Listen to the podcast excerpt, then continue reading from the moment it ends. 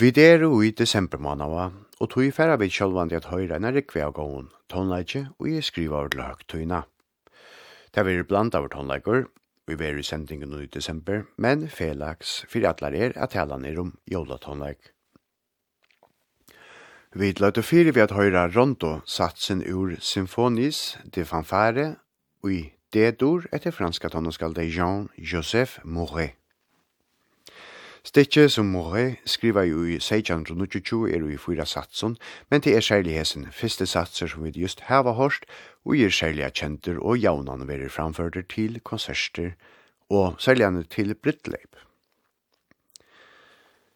Så færa vi til lei 250 år fram utui til onklands, og skulle høyra A Christmas Carol Symphony etter en skatonaskalde Patrick Stanford. Symfonien er skriva i 1924 og er i fyra satsen. Hesar er det Vivace, Andante Tranquillo, Allegretto og Rondo Finale. Det er The City of Prague Philharmonic Orchestra som framfører under Lashlo av Gavin Sutherland.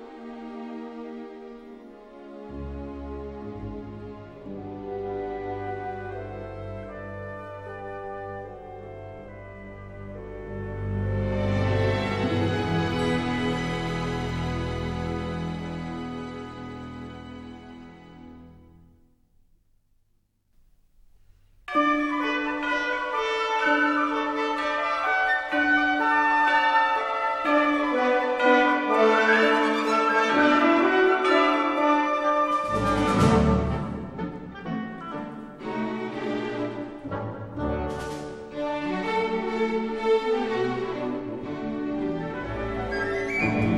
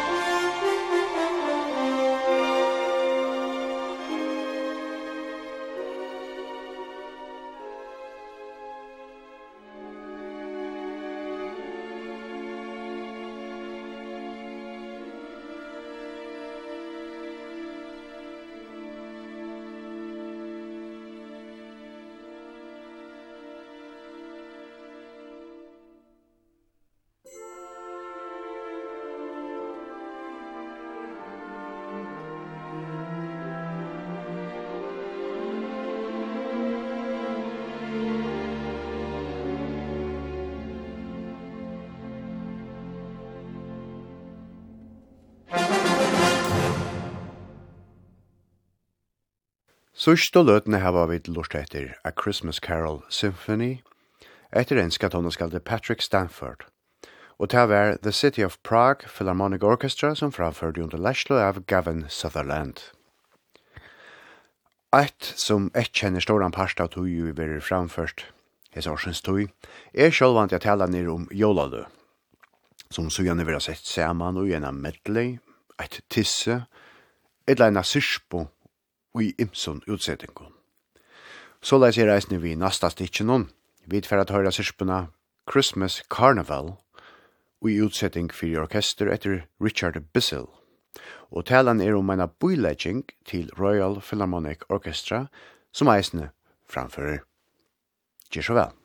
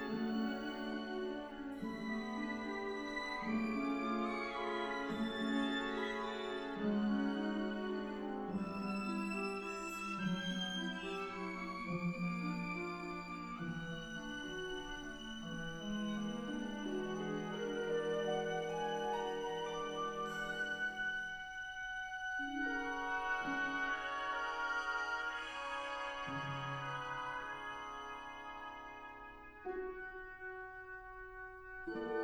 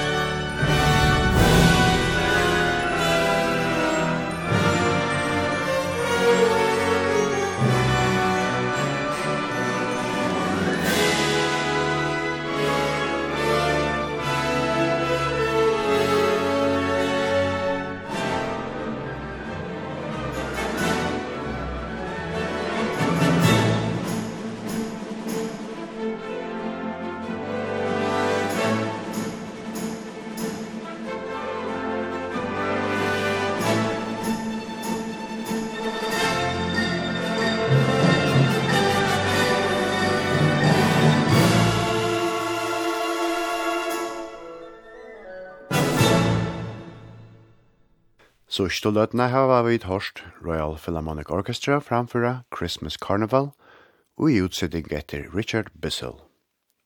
Så færer vi til USA og færer at høyra eina æra medley, etla sirspo, fyrir messingblåsare.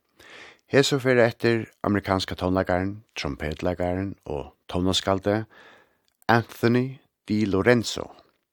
Og vi fyrir at høyra leie Christmas Tunes. Nøkker av løvenen og i hessare er Welcome Christmas og Trim Up the Tree ur filmen The Grinch. Jingle, Jingle, Jingle og There's Always Tomorrow ur filmen Rudolph omframt er sjanger så som der klassisko The Red-Nosed Reindeer, Frosty the Snowman og Santa Claus is Coming to Town. Det er messingbølkeren Burning River Brass som hever heimstad i Ohio som fyrir framføra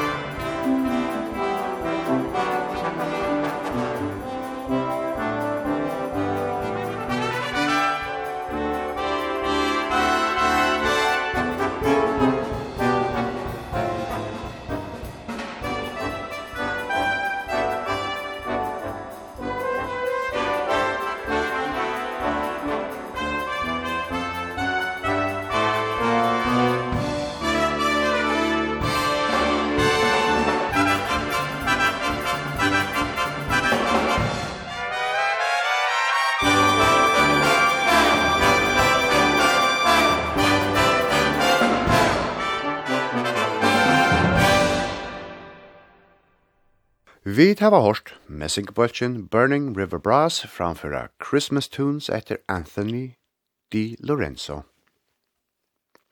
Så færa vi til nekka anna. Vi færa til Onglands, men hese færa ikkje talan om ena syrspo av kjent og heldur eina komposisjon etter bretska tonaskalde Philip Lane, vi heit noen Westside Dances. Verskje er skriva i 1923, fire symfoniorkester.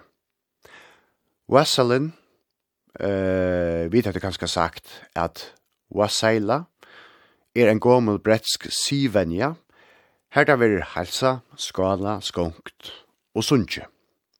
At Wassaila er ein halsa og merker okkur som gå halsa til menneske og fena. Øl og brennevoin var drutje, og hesen sier, eller Hesar varsler var hyldnar middelen Jesu føying og 13. kvöld som er 7. januar. Sivenjan vi Westsale kan enn opplevast i parten av Ånglandet, men er i ståran månskift ut vi caroling, som er at folk sinja jolasanger fra hår til hår. Stitje er ui Trimon Satson, som atler bitjo av gamlar Westsale dritsjovuiser. Fyrste satser eitir Vivace, Nasti eitir Andantina, og trije og sørste satser eitir Vivace. Det er The City of Prague Philharmonic Orchestra som framfører under Lashlo av Gavin Sutherland.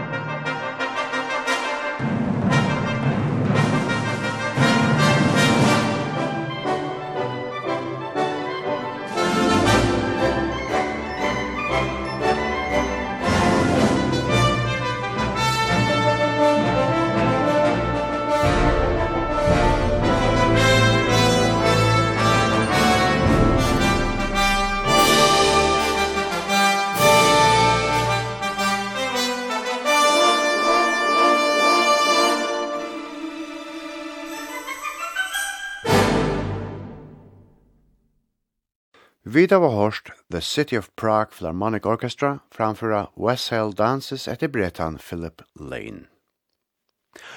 Tøyen gong kjøtt, og videre langt å komme til sørste tånene i det. Vi enda bolero i Onglande, vi er noen stått og stikker for hotnekast, vi heiter noen Christmas Troika Sleigh Ride. Og til etter bretska, hotnekester, tånaskalde James Kernov. Ta verur sera kjenta hotnarkastre Black Dog Band under leislo av Nicholas Childs som framfører. Jeg fer takka tikkun i hava lust etter sendingene, og jeg fer innskja tikkun en gåan sunnudag, og somleis eina gåa og hunalia jolaviko.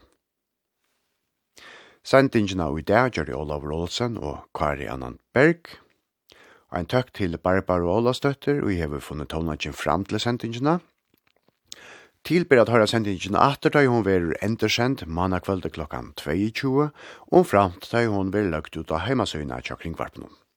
Ein nudj bolere sending er atter, jólada 25. desember.